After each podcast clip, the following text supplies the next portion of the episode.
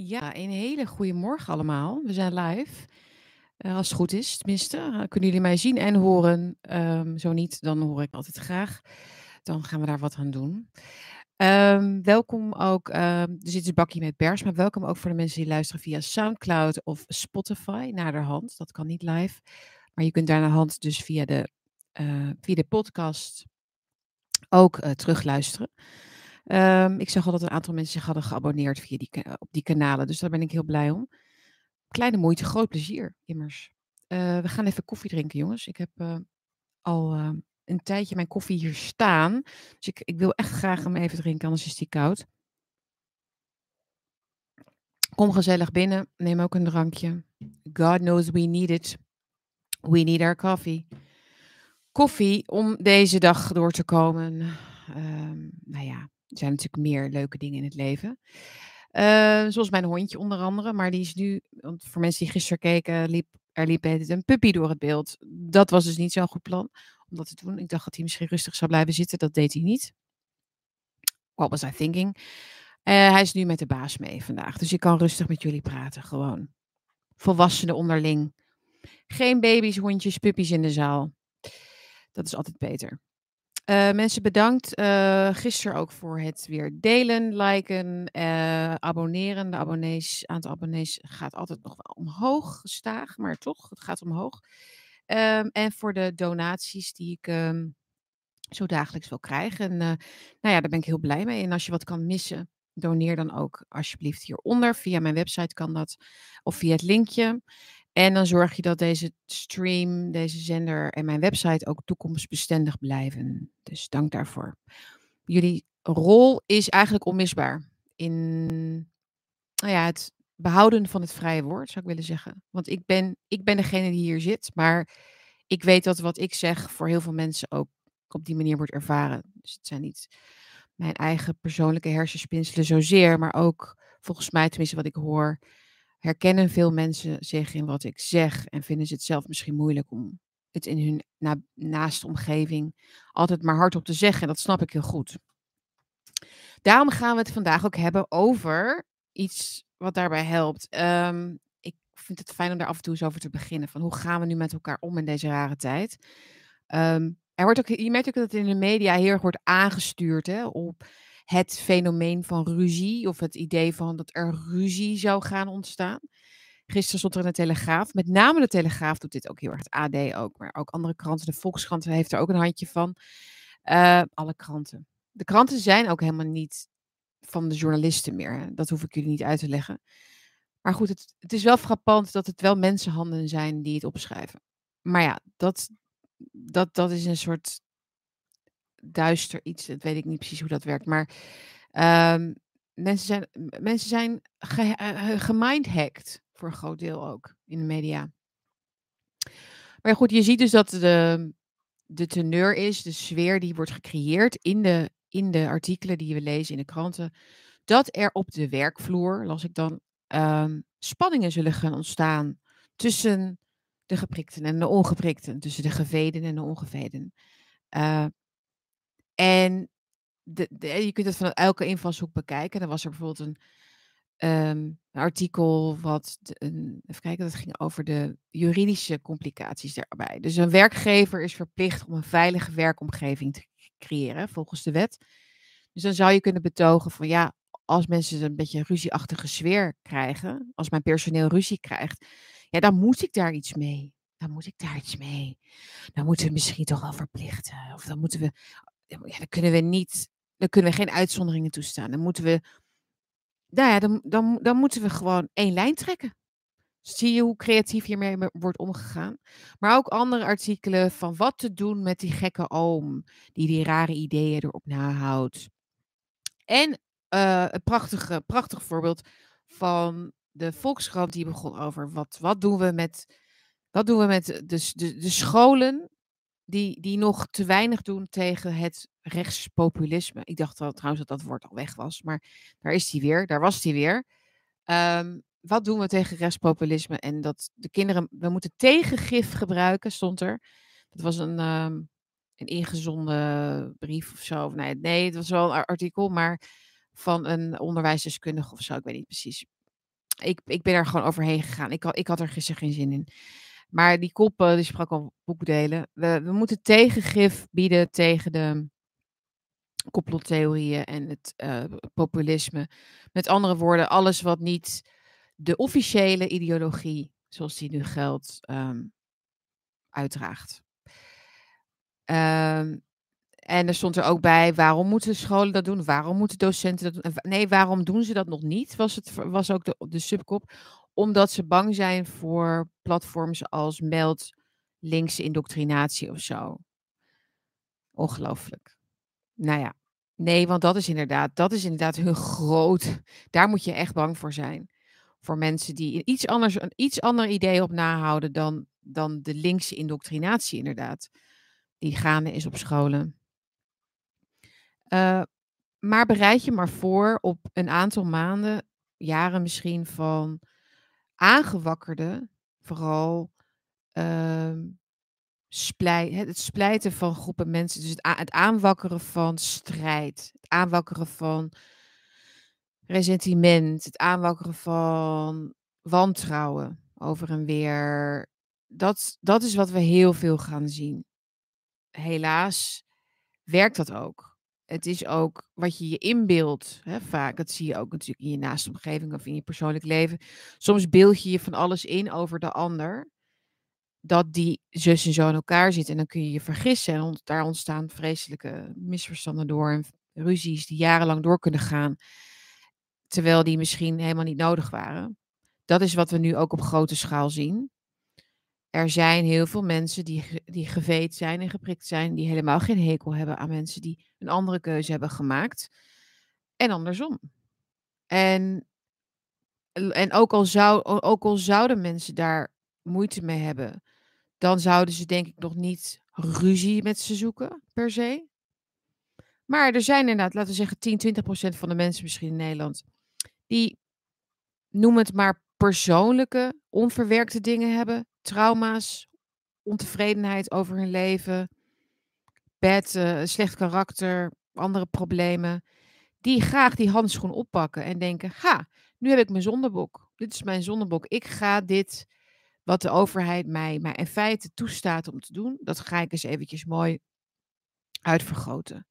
Ik ga die ruzies aan. Ik ga, dat, ik ga online eens eventjes wat, wat haat en verdeeldheid zaaien.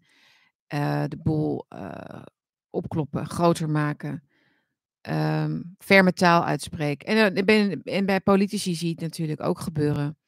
Beetje verdekt nog, maar nou ja, zoals we het laatst over Justin Trudeau hadden, hè, die in feite mensen naast als hè, je, hebt, je hebt mensen en dan heb je zeg maar de ongeprikte. Dat is ongeveer het niveau waar, waar sommige eh, politici dus al in zitten. In de hoop natuurlijk dat mensen dat oppikken. Maar het is heel doorzichtig. Maar goed, ik wil, ik wil dus het, het idee van de grey rock techniek nog even bespreken. Want ik denk dat dat misschien for lack of a better solution, hoe noem je dat? Bij gebrek aan een betere oplossing voorlopig, dat dat heel goed is om te hebben. De grey rock techniek. Ehm, dus daar, daar hebben we het even over. En ik wil het even hebben over leren en afleren en nog de 3G-regel in Duitsland, die sinds gisteren. Dankjewel, SW Badenhorst, voor deze superchat-donatie. Eh, ik wilde, nee, de 3G-regel is gisteren ingegaan in Duitsland. Laten we het daar nog even kort over hebben, want wat in Duitsland gebeurt, gebeurt ook in Nederland. Het is gewoon een feit. Dus dan kunnen we er alvast een beetje die aantekeningen vergelijken met de Oosterburen. Ehm, het leren afleren, ehm, een stukje wat ik even wil bespreken, komt uit dit boek wat ik aan het lezen ben.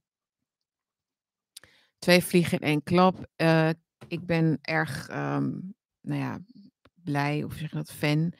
Fan, ja, ja, fan, ja, zeg maar fan van de schrijver Karl Ove Knausgaard. Sommigen van jullie zullen dat weten. Een paar jaar geleden schreef ik er veel, nou, schreef veel over, maar ik heb hem toen ontmoet en zo. En ik heb een keer recensie gemaakt. In ieder geval, eh, hij heeft ook een heel leuk boekje geschreven dus over de kunst, of de schilderijen van Edward Munch. En ehm, ik, ik was dat gisteravond aan het lezen. Laten we daar, maar even mee beginnen. Dan ga ik daarna naar de Grey Rock en de 3G, de 3G-regel. Het leukste bewaren we voor het laatst. Hè? Het fijne, fijne maatregelen, geklets. Uh, maar ook even, dan is het ook belangrijk om gewoon over andere dingen te praten dan de, de, de zee. De zee. Er is meer op de wereld. Um, ja, nee, dus ik, ik, um, ik las dit gisteravond.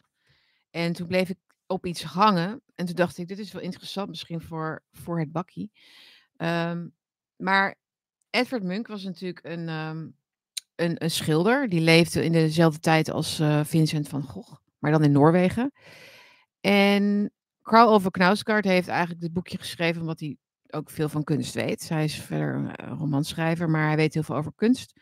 Met name natuurlijk Noorse kunst, Noorse literatuur.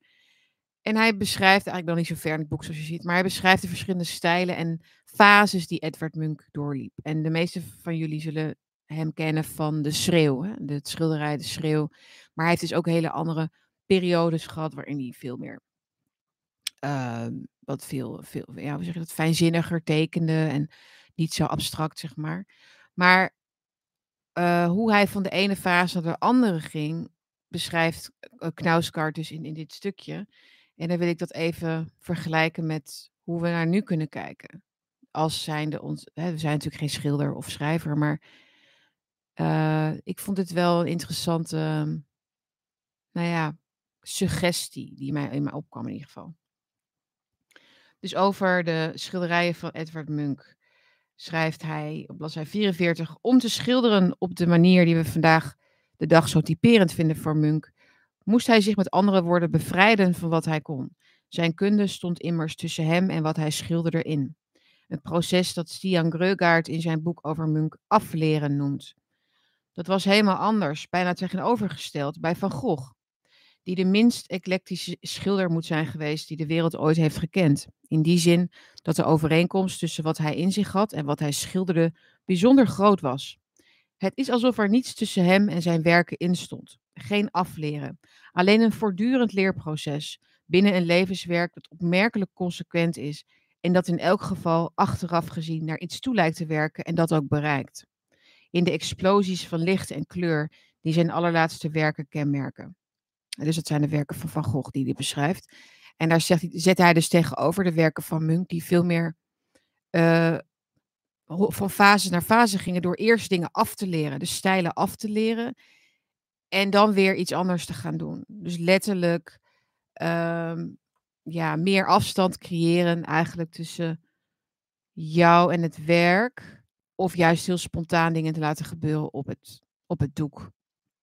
Niet te veel nadenken, niet te veel een proces doorlopen, niet te veel vasthouden aan wat je al kan. Of niet te veel vasthouden aan wat je dus wel al kan. Um, en daar dus maar op verder gaat. In plaats van dus dat je iets nieuws probeert. Dus die stijl is wat hem kenmerkte, Edward Munch. Um, uh, heel productieve schilder. Maar goed, we gaan het verder niet over hem hebben. Het is trouwens, ik zou zeker dit boek aanraden. Het is een heerlijke uitstapje, weet je wel. In gewoon, is niet alleen een, een lekkere, uh, niet alleen schrijft uh, Knausgaard supergoed, vind ik. Maar het is ook fijn om over die schilderijen na te denken. En dan kun je een beetje zo googelen als je het schilderij waar hij het over heeft wil, wil zien. Er staan er wel een paar in, in het boek. Maar dat, dat idee van afleren is ook iets wat we, om te leren in de moderne tijd, dus als mensen, van wat we weten. Wat weten wij in 2021 over deze tijd? Wat leren wij over deze tijd? Voor mijn gevoel leer ik de laatste 18 maanden heel erg veel. Maar het is niet eens dat ik heel veel boeken oppak of dat ik me heel erg verdiep in uh, waar het over gaat. Het, het, ik doe het wel, maar het is, het is, ik, dat, ik heb ik wel in mijn leven wel meer gedaan. Ik heb ook al, voordat ik kinderen had zo, las ik echt van alles. En uh, dat doe ik nu helemaal niet meer zoveel. Dus het is niet zo dat ik meer houvast heb in kennis, denk ik. Al, maar het is wel een leren wat wordt wat je bijna moet doen, omdat de wereld om je heen aan het veranderen is. En je moet dat zien, te, zien bij te houden op een bepaalde manier. dus welke, dus leren in de zin van zoals kinderen leren. Gewoon welke, welke welke instrumenten heb ik nodig? Welke eigenschappen heb ik nodig? Welke, hoe, moet ik naar, hoe, hoe moet ik naar de instituten kijken? Hoe, hoe, moet ik ze in, hoe moet ik interpreteren wat Mark Rutte zegt? Hoe moet ik, een, hoe moet ik omgaan met andere mensen? Eh, weet je, alle vragen worden eigenlijk opnieuw gesteld door mij, als het goed is. En door heel veel mensen. En soms legt, legt de een meer focus op het hier en nu. Hè? Wat voor, waar moet ik naartoe? Wat, wat moet ik regelen? Wat, moet ik, um, wat staat ons te wachten? Um, met welke mensen moet ik omgaan? Wat voor voorzorgsmaatregelen moet ik nemen? Enzovoort. Ik houd het een beetje abstract, maar je snapt wat ik bedoel. Uh, maar andere mensen zijn weer veel meer. Nou ja, zeker mensen die natuurlijk wat wetenschappelijker geschoold zijn of zo, die zijn echt aan het graven in het.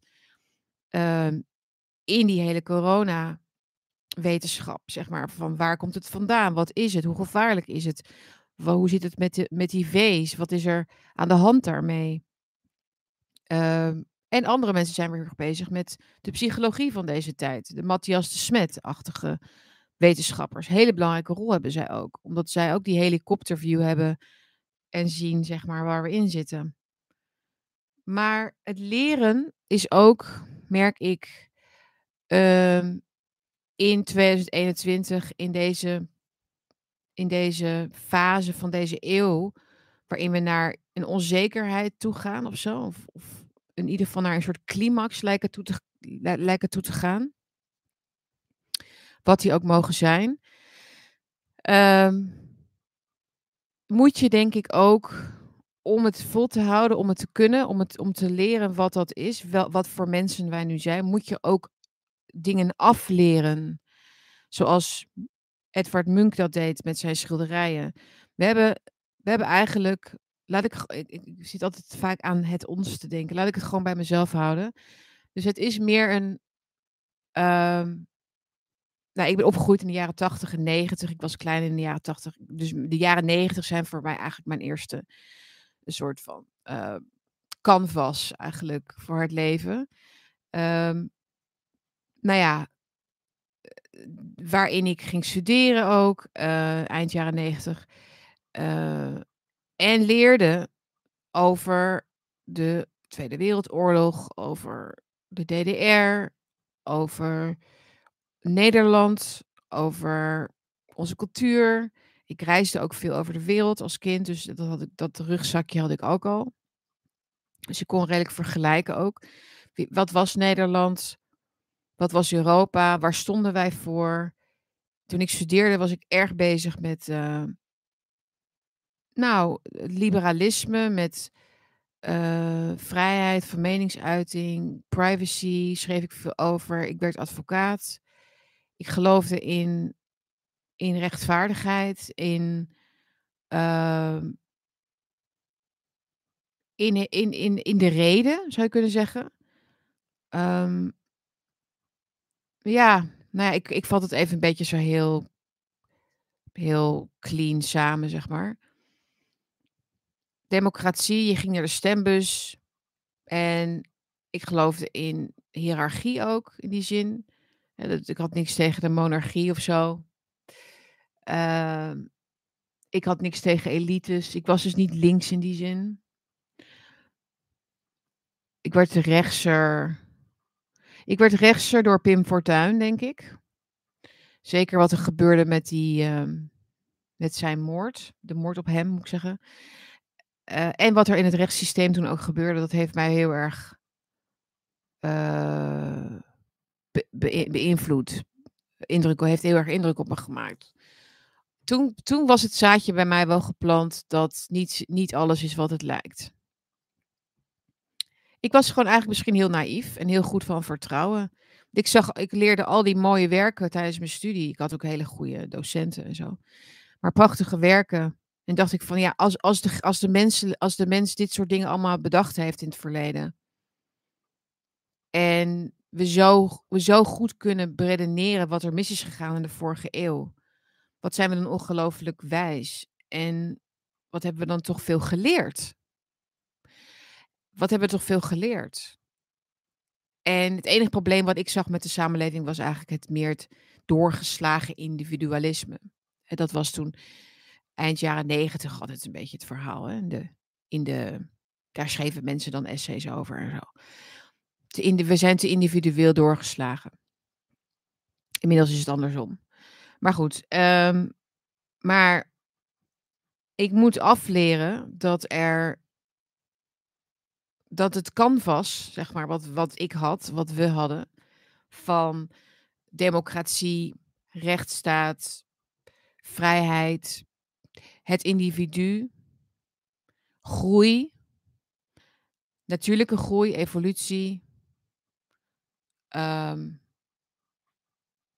goedheid misschien ook. Het idee dat het goede er is, er gewoon altijd is of zo. Dat we het kwade hebben bezworen door het systeem. Dat het systeem zelf het kwade buiten de deur houdt. Dat, dat moeten we eerst allemaal afleren. Want de mensen die ons het kwade weer, weer, weer, ons weer aan het kwaad laten wennen, om ik maar even heel kort samenvat, gebruiken dat wat wij hebben geleerd als hun rookgordijn. Ik zag gisteren een hele leuke meme op Twitter. eh, waarin stond, eh, waarin nou iemand wilde, iemand van de staat, in ieder geval van de Amerikaanse staat, wilde iets, eh, een doos laten inpakken. En daar stond op internet censorship. En die man achter de balie vroeg, how would you like this wrapped? En, en achter hem hingen dan van die rollen inpakpapier, waarop op de ene stond eh, zoiets van eh, eh, to protect the youth of zoiets, for the youth, for the children en de andere for, for the planet. En nog een, was er nog een andere, the safety of all of zoiets. Dus er zijn een aantal inpakpapiertjes, zeg maar, waar mensen, eh, instituten, de staat, het systeem, noem het wat je wil, de ruling classes, hun kwaadaardige drol, die vieze gore drol, die stinkende drol die we allemaal kunnen ruiken, inpakken, laten inpakken door hun lopers, door hun, de- door hun, door de useful puppets, hoe noem je- useful idiots, hoe je ze ook wil noemen, laten inpakken, zodat het lijkt alsof dingen voor de kinderen gebeuren of voor het, voor de samenleving, voor de vrijheid. Dat is ook een hele goede, mooi inpakpapiertje voor de vrijheid. Daar zit een hele glimmende strik omheen. Maar je ruikt de stinkende drol die erin zit, ruik je gewoon. Iedereen ruikt hem. En we doen net alsof we de verpakking zien. En eh, in afwachting van wat er, wat er gaat gebeuren met ons, wachten met openmaken.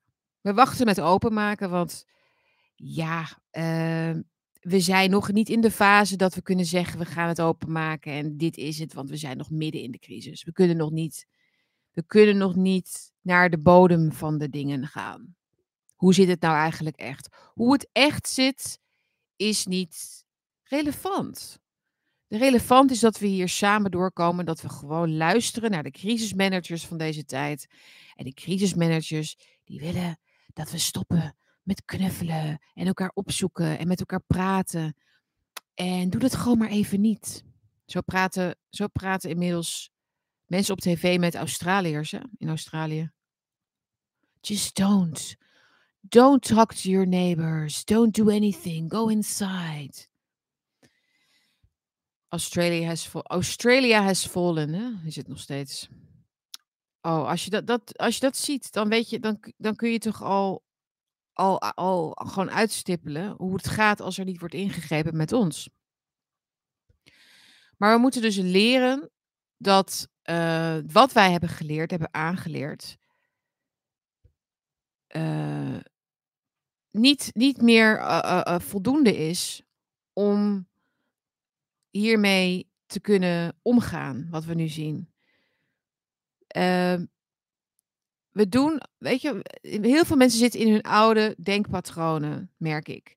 Waar, daarom hoor je ook zoveel, zo ongelooflijk veel mensen hypocrisie roepen de hele tijd. Dat is, dat, is, dat is eigenlijk een uiting daarvan. Waarom doen zij dit terwijl wij dat niet mogen? Waarom gebeurt dit terwijl wij moeten lijden? Waarom is er nog steeds niks duidelijk geworden?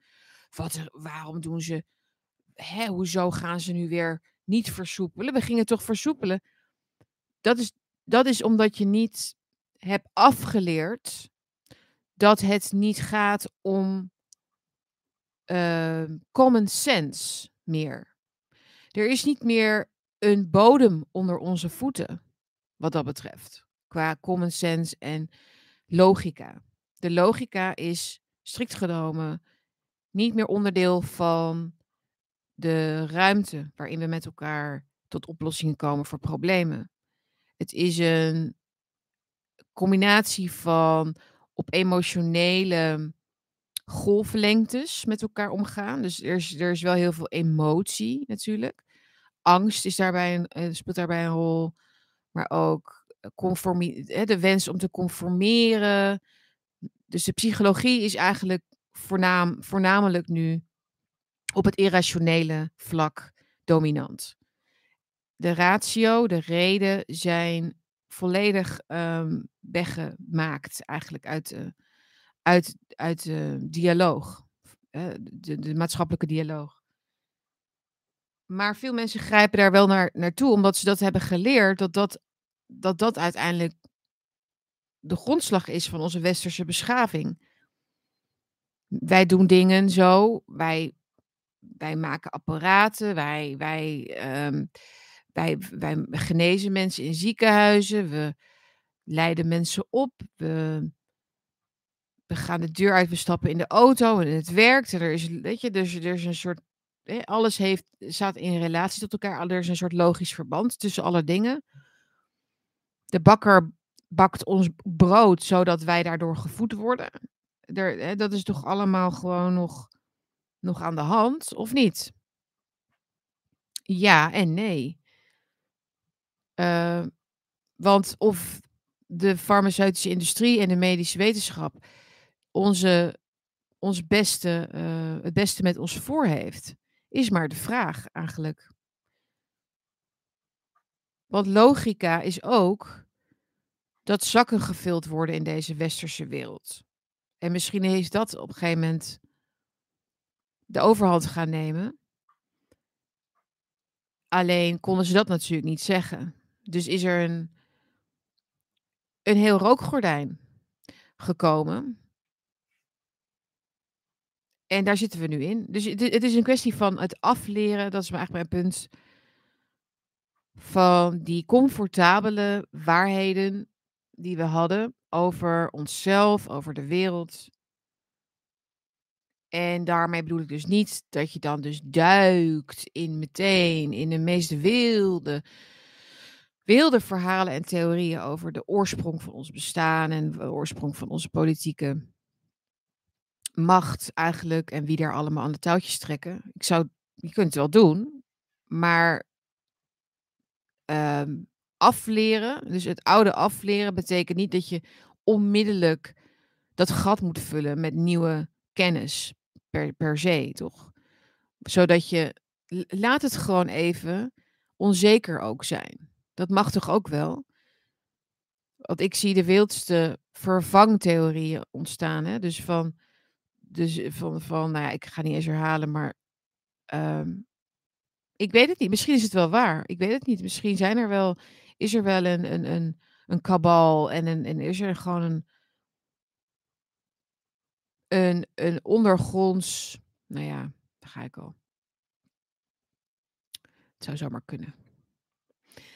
Ah, ik bedoel, ik ben de laatste die zegt dat, dat, uh, dat, ik het weet, dat ik weet hoe het zit. Maar ik weet dus ook niet, nou ja, of het handig is om je op te sluiten in dingen die we niet kunnen waarnemen als zodanig, zeg maar.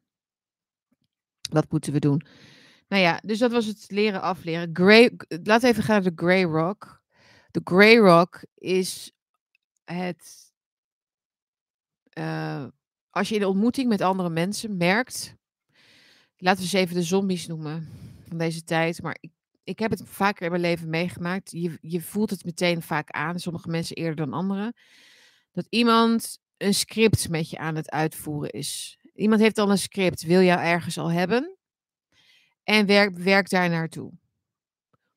Dat kan met een collega zijn, met een familielid, met een buurman, met een buurvrouw, met een, nou ja, het kan iedereen zijn, maar vaak zijn het toch mensen waar je vaker dan eens natuurlijk contact mee hebt. Het is niet de mevrouw bij, bij het tankstation, zullen we maar zeggen.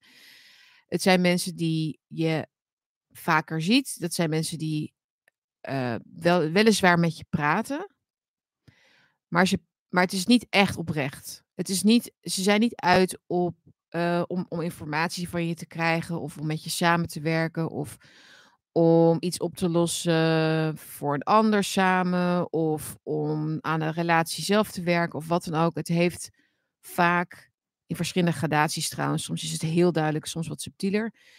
Het is bedoeld om iets van jou te krijgen wat meer op het emotionele vlak zit dan op iets anders. Dus het is een, een parasitair iemand, zeg maar. Uh, ik kan trouwens het YouTube-kanaal van Dr. Ramani aanbevelen, die hier heel veel zinnige dingen over zegt. Grey Rock Dr. Ramani kun je even googlen in YouTube. Zij heeft een heel uh, wijs uh, repertoire, moet je het zeggen, van, van video's hierover. Ehm, maar het is overal op, op, internet wat te vinden. Maar Grey, Grey Rock is eigenlijk de mensen die niet meer kunnen praten met je op een menselijk niveau, laat ik het zo even noemen. Hoe bescherm je je daartegen, zodat je zelf niet daadwerkelijk slachtoffer daarvan wordt? Nou, dus je kunt het contact uit de weg gaan. Dat is dan vaak niet mogelijk natuurlijk als je collega's bent of zo. Maar je kunt bijvoorbeeld de antwoorden die je geeft kort en krachtig houden en zorgen dat de communicatie niet emotioneel wordt. Ik heb uh, een paar weken geleden weer zo'n soort van aanvaring gehad met iemand. Ik kan er niet te veel voor zeggen, want ik weet niet of ik dan hiermee indirect toch weer uh, olie op het vuur gooi. Doet er ook niet zoveel toe. Het is verder niet een heel spannend verhaal of zo. Het is niet, niet iemand die jullie kennen. Het is, ik bedoel, het is gewoon iemand uit mijn, na, gewoon in de buurt waar, van waar ik woon. Maar in ieder geval, uh, en ik ben weggelopen op een gegeven moment in dat gesprek. Omdat ik merkte, ik, het, was wel echt wel lang, het was echt wel weer een tijdje geleden dat ik dat zo had meegemaakt. Dat iemand letterlijk jou niet ziet staan als mens, maar iets van jou eist in het eerste moment. Um, een houding eist, of een excuses eist, of een uh, bekentenis eist. Vaak herken je het aan de grootste dingen die ze van je willen. Ze willen meteen dat je iets erkent over jezelf. Jij, jij hebt het niet goed gedaan, hè? Jij snapt niet hoe dat moet, hè? Jij hebt onze afspraak, jij bent onze afspraak niet nagekomen. En dat je echt helemaal staat van waar gaat het over? Waar, waar komt dit ineens vandaan? Dat iemand eigenlijk helemaal out of tune is, gezien de aard van de relatie. Of, of, of, of niet, nou ja, niet logisch eigenlijk um, logisch, niet conform de aard van de relatie eigenlijk met jou omgaat. Het zijn vaak ook mensen met twee gezichten. Dus ze zijn heel gezellig en leuk naar de buitenwereld. En als je, alleen met je, als je alleen met ze bent, dan veranderen ze in een soort verhoorders. Misschien is dat wel de, goede, de beste term om te gebruiken. Alsof je in een verhoor zit. Letterlijk. Dus ik moest daar vanochtend weer even aan denken toen ik uh, mijn haar aan het feunen was en zo. En ik dacht weer aan die, aan die aanvaring. Dat ik wil het met jullie even weer delen. Want ik kan me zo voorstellen dat, dat deze crisis, deze tijd, veel meer van dat soort dingen gaat uh, creëren. Veel meer dat soort rare ontmoetingen. Waarin je niet jezelf kunt zijn, waarin je niet kunt zeggen wat je wilt. Uh, maar in, waarin je wel voor een ander op de radar staat. Omdat je wel die emoties heel erg hebt en in je houdt. Je zorgen of je, je, de waarheid die je graag wil vertellen. Of het gesprek wat je wil vertellen. En mensen die, die daar moeite mee hebben. Die de waarheid niet willen kennen. Die in feite kapot zijn, een beetje van binnen zou je kunnen zeggen. Of zijn geworden hoor sommige mensen zijn wel weer te herstellen. Um, want het zijn in feite ook getraumatiseerde mensen natuurlijk. Maar ze, ze, zullen, ze zullen voelen, ze zullen jouw energie oppakken, of hoe je dat ook wil, wil zeggen. Ik weet niet precies hoe je dat moet uitleggen, maar. En ze zullen proberen om het af te breken, wat, je, wat jij nog hebt. Ze zullen proberen om je een schuldgevoel aan te praten om je over te halen. Je ziet die, die, die, manier van communiceren is in feite al wat onze ministers en hè, eh, eh, doen met ons. Mensen in de media al doen met ons. Die, die manier van praten met volwassen mensen alsof wij kinderen zijn. Hè, dat, dat, oh, zijn jullie nog steeds daar? Zijn jullie nog steeds bezig met jullie complottheorietjes? Ah, jeetje. Nou, eh, of dat hele, wie zijn die mensen? Wie zijn jullie eigenlijk? Wie zijn jullie? Wie, wat zijn jullie voor, wat, wat, wat hebben jullie vandaag nou weer voor raar idee in jullie hoofd over waarom jullie niet mee moeten doen met ons? Ehm, gaslighting is natuurlijk ook voor een groot deel. Maar goed, dus de Grey Rock, jongens. Ehm, it, it, can be, it, can, it can be a lifesaver. Echt waar, geloof me. Het is anders ook niet meer eh, vol te houden, denk ik. Als we nog maandenlang z- gaan zien dat mensen steeds meer zich ingraven, zeg maar, in het verhaal, dan, dan, dan moeten ze ergens hun eh, frustratie op afreageren, denk ik. En dat zal niet per se zijn op ons of zo, maar gewoon op alles wat normaal doordraait. Alles wat, alles wat straks normaal doordraait, is voor mensen die wiens mentale staat al in een soort eh, in het totalitaire moeras is gezakt, zou je kunnen zeggen. En ze alles zijn gaan accepteren wat hun verteld wordt. Dat is een moeras waarin je wordt gezogen. En alles wat nog normaal is om je heen, herinnert je aan dat moeras waar je in zit. Want dat is dan het contrast. En dat is te groot. Dus het normale zal kapot gemaakt moeten worden. Je kunt je niet permitteren om daar dag in dag uit daarmee te worstelen. Met mensen die daarin zitten, zeg maar. Het is, dat is heel erg hoor. Maar goed, misschien ben ik te, denken sommigen van jullie van. Ik weet niet waar je, wat je bedoelt. Maar je, je geloof maar, je, a- er zal een moment komen en dan denk je misschien hier aan. En dan denk je, oh ja, dat was, dat was wat Sietske zei over die, die hele rare, enge ontmoetingen die je soms kan hebben. Waarin je praat en doet en probeert en uitlegt en tegemoet komt. En bij wijze van spreken denkt, wat, wat is er nog nodig om jou, om jou uit een andere toon te krijgen met mij? Niet. Het is niet de bedoeling. Het is niet de bedoeling. Wat je op dat moment doet, is de bedoeling. Het worstelen, wat wij dan doen met mensen die, die vastzitten, die gemindhacked zijn door onze overheid en door de propaganda. Die worsteling die zij met ons hebben, is de bedoeling. Het, het, het geeft hun het gevoel, als, als ze ons zien strijden, als ze ons zien moeite zien hebben met onszelf en die, die verstoorde relatie op dat moment, en dat we daaruit willen, dat we dat willen oplossen, dat is voor hun de bevestiging die zij al nodig hebben. Helaas. Het is helemaal niet de bedoeling dat we het eens gaan worden voor hun. Ik weet dat dit heel naar klinkt, maar ik bedoel het helemaal niet. Ik bedoel echt niet alle mensen die vastzitten over één kant te scheren als zijn dat ze niet meer kunnen praten. Maar het, het is helaas wel een feit. Ik hoor het gewoon voor heel veel mensen ook. Dat het naar is geworden. De conversaties naar zijn geworden. Ehm, en, en, en, en eh, wees gewoon op je hoede voor de, de, het verdere, ehm, de neerwaartse spiraal misschien. De neerwaartse spiraal die zeg maar in die, dat in die relaties kan gaan ontstaan. Waarbij wij eigenlijk al een stempel op ons hebben gekregen, maar dat hebben we nog niet door. Het is belangrijk om dat heel snel door te hebben. Dat wij een functie, dat onze vrijheid van denken en geest, of wat je het ook wil noemen, een functie heeft voor hun, maar niet omdat ze dat in onze omgeving zeg maar nog misschien op andere gedachten kunnen worden gebracht, maar meer omdat dat een iets is wat ze, waar, waar ze, wat ze willen afpakken, letterlijk. Het, het is ook dat zondebokmechanisme wat, wat, wat jullie misschien ook wel kennen. Iemand zegt, ik worstel niet meer met ze mee, ik zie ze slechts kronkelen uit spijt of angst voor hun toekomst. Ja. Kronkelen. Ja, het is het ook. Maar iedereen, iedereen heeft een andere reactie. Laat ik het even daarop houden. Uh, iemand zegt begrip of empathisch vermogen is die mensen vreemd, zegt Iris. Ja. En ik vraag me wel eens af, is het dan nu anders?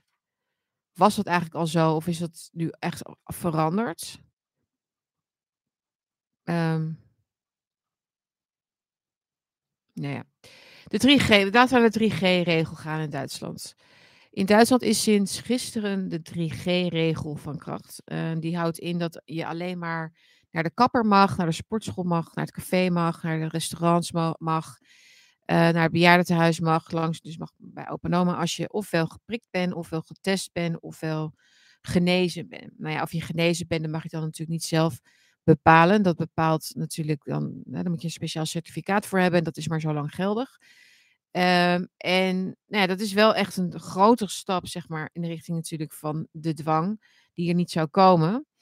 Uh, de volksgezondheidsminister van Duitsland, Jens Spaan, die heeft gezegd dat er Duitsland de vrijheid ingeprikt moet gaan worden.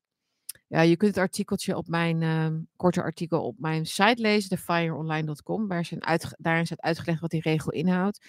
En daarin zeg ik eigenlijk ook van die regel die zal ook naar Nederland gaan komen. Die zal dan niet zo heten waarschijnlijk.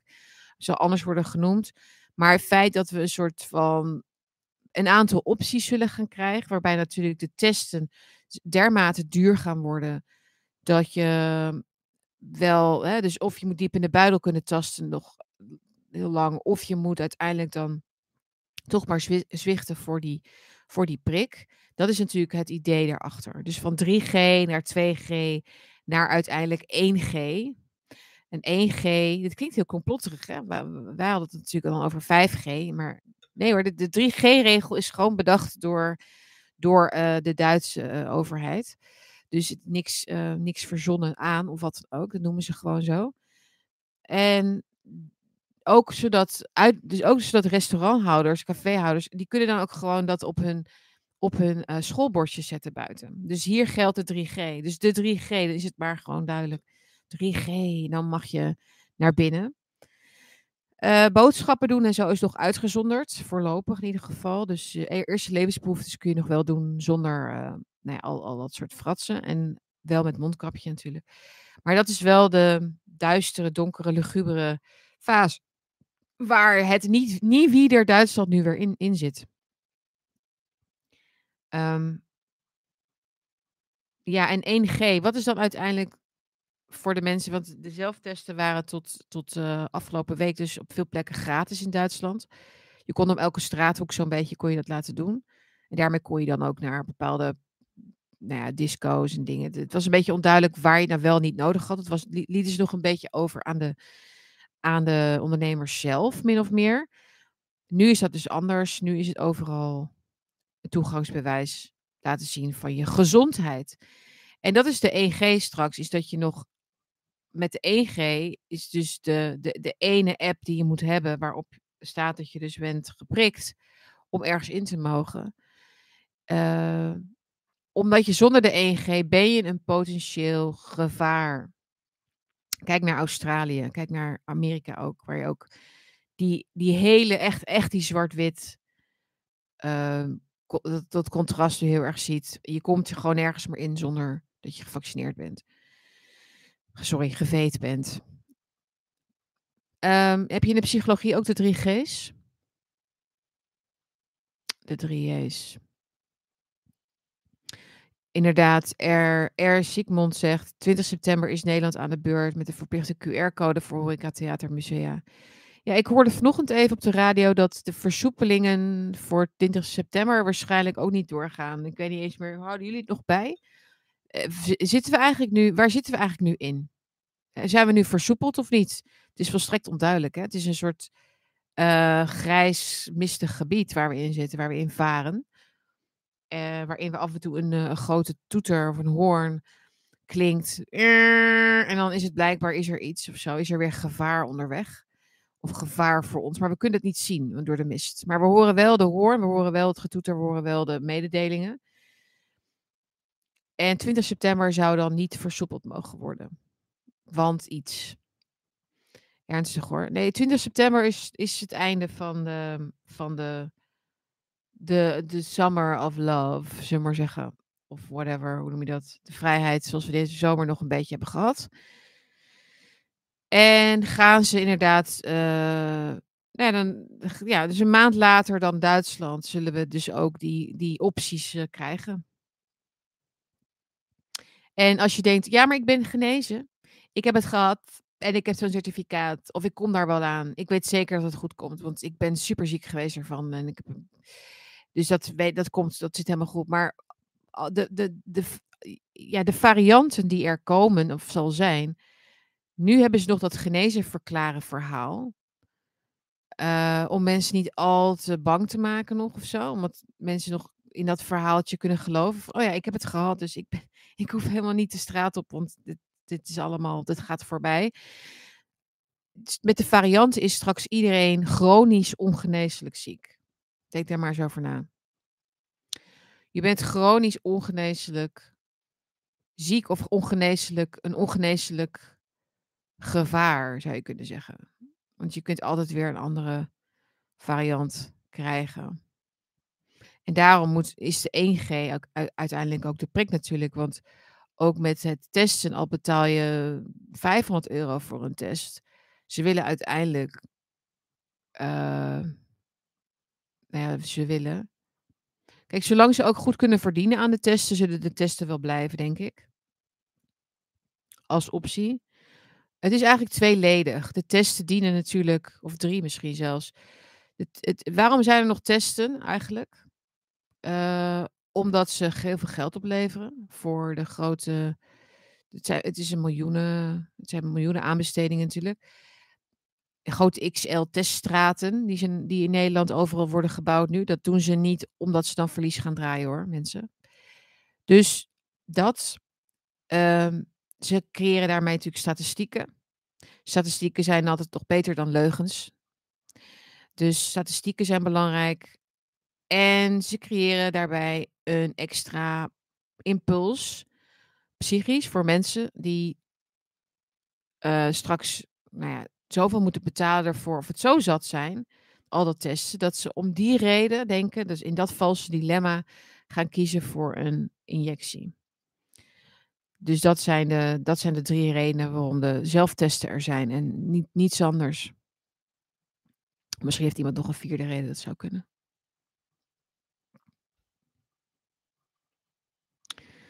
Uh, iemand is het gezeur over testen zo zat. Ja, anders ik wel.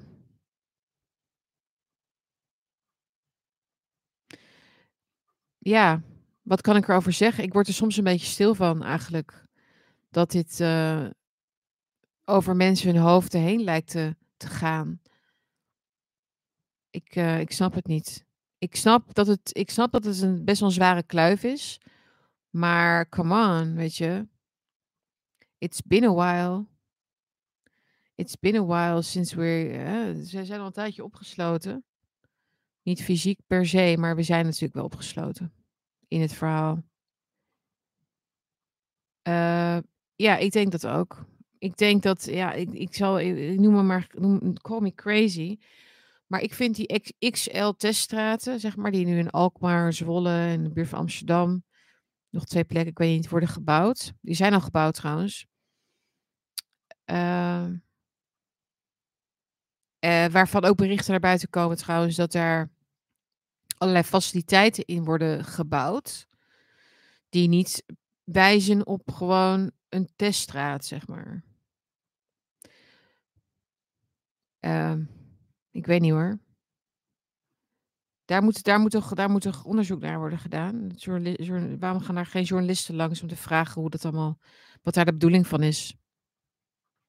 Hè? Als we normale eh, onafhankelijke media hadden gehad, dan hadden die daar lang gestaan. Van, wat is hier precies uh, de bedoeling? Waarom verwachten jullie hier 25.000 testen per dag te kunnen gaan afnemen? Als straks iedereen zogenaamd geprikt is. Wat is precies het verhaal? Ik weet niet.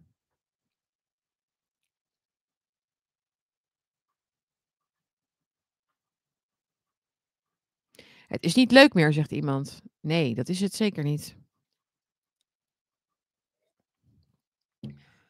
Het is, ehm, ja. Als straks de centrale banken de beurzen niet meer hoog kunnen houden en de boel instort, wat zal dat voor gevolg hebben voor de prikdwang? Ja, dat is een goede vraag. Uh, we krijgen natuurlijk nu ook een hele golf van vluchtelingen uit Afghanistan.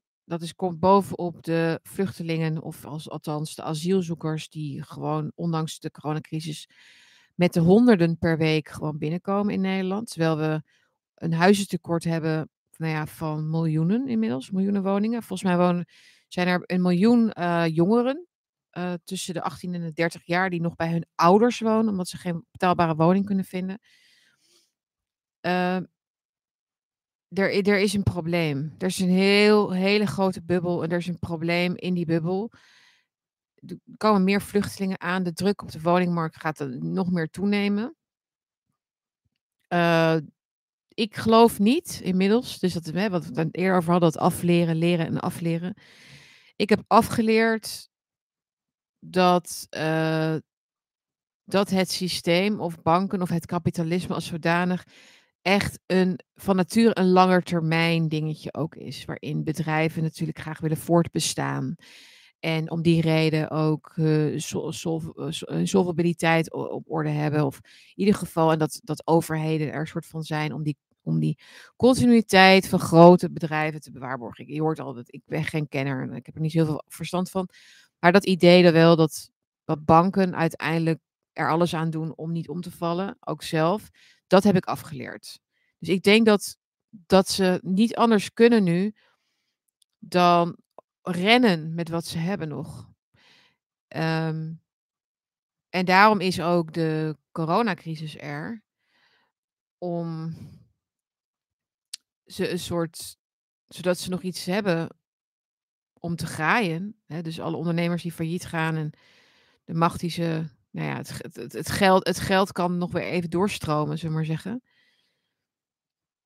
Um, maar ja, ik weet het niet. Ik zou daar zeker even bij. Uh, er zijn wel interessante theorieën over, geloof ik. Maar ik weet even geen namen van mensen die op YouTube daarover vertellen. Maar die zijn er wel. Maar alleen al de, alleen al de woningmarkt is natuurlijk interessant wat daarmee gaat gebeuren. Uh, even kijken.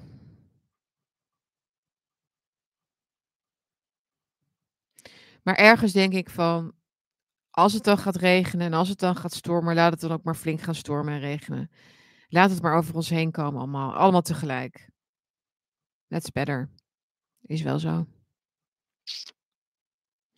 Ja, de ineenstorting van de economie wordt met corona kunstmatig verlengd. Ik denk dat dat helemaal geen wilde theorie is, toch? Dat is over het algemeen redelijk geaccepteerd. Dat dat een feit, dat, eh, dat, dat is een feit. Uh, dat de corona um, uh, de economie kunstmatig, de ineenstorting kunstmatig verlengt. Maar dus niet voorkomt, maar verlengt. Oké jongens, uh, storm is coming. Who knows? Nou ja, we zijn hier natuurlijk niet samen om elkaar uh, heel erg bang te maken en, en pessimistisch. Maar weet je, het is soms om gewoon even goed om te voelen waar we in zitten, toch? Niemand heeft er wat aan om, om te zitten duimen en hopen dat het allemaal gewoon een boze droom blijkt te zijn. Dat we weer teruggaan naar het oude. Ik hoef ook niet meer naar het oude. Serieus niet. Ik hoef, ik, ik wil, ik ben zo, ik bedoel, al die, al die partijen in Nederland, al die politieke partijen. Ik wil, ik, ik wil dat, ik wil, ik wil, maar er moet uiteindelijk een totale reset inderdaad gaan komen, ook van ons politieke systeem. Dat, dat lijkt me duidelijk. Alle mensen die er nu zitten, die kunnen niet gaan blijven. Wat, wat hier ook de uitkomst van is, er moet een, een wisseling van de wacht komen. Van de mensen. De mensen moeten weer gaan regeren over hun eigen lot. Als dat het resultaat is, dan ben ik bereid om vijf jaar langer um, op een houtje te bijten, zullen we maar zeggen. Of in, in, in de brede zin van het woord. Als mijn kinderen maar een kans hebben op een wereld waarin zij weer controle over hun eigen leven hebben. Dat is het allerbelangrijkste voor mij.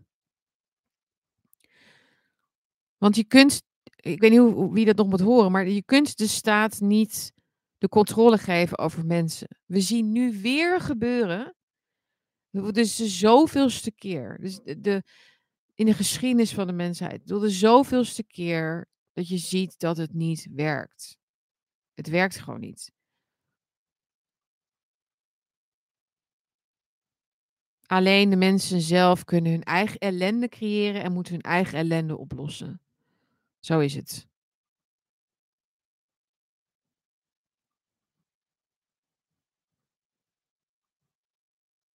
Dat kun je vergeten, denk ik, Sietske.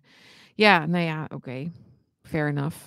Maar, um, het, het, maar het ligt, het, ja, het, het, heeft alle, het, het valt of staat met ons eigen gedrag en onze eigen rebellie. En ik begrijp soms niet waar mensen op hopen als ze dat niet doen. Dan hebben ze dus geen hoop meer. Dat vind ik heel erg. Iemand zegt altijd hoop blijven houden. Nou, met die, uh, met die optimistische noot gaan we, gaan we afsluiten vandaag. Uh, ik ben er morgenochtend weer rond dezelfde tijd. Bakje met Bergsma. Vergeet niet te liken, te doneren, te, te abonneren. Andere volgorde. Uh, en schrijf je ook in voor de mailinglijst op mijn website. dan krijg je al mijn artikelen in je mailbox. En alle andere berichten die zullen volgen de komende maanden die niet geschikt zijn voor de, voor de website zelf. Dus dan ben je echt uh, uh, helemaal up-to-date. Verder uh, ja, wens ik jullie een hele mooie dag. Een mooie nazomerdag. En ehm, houd moed. En tot morgen. Ciao.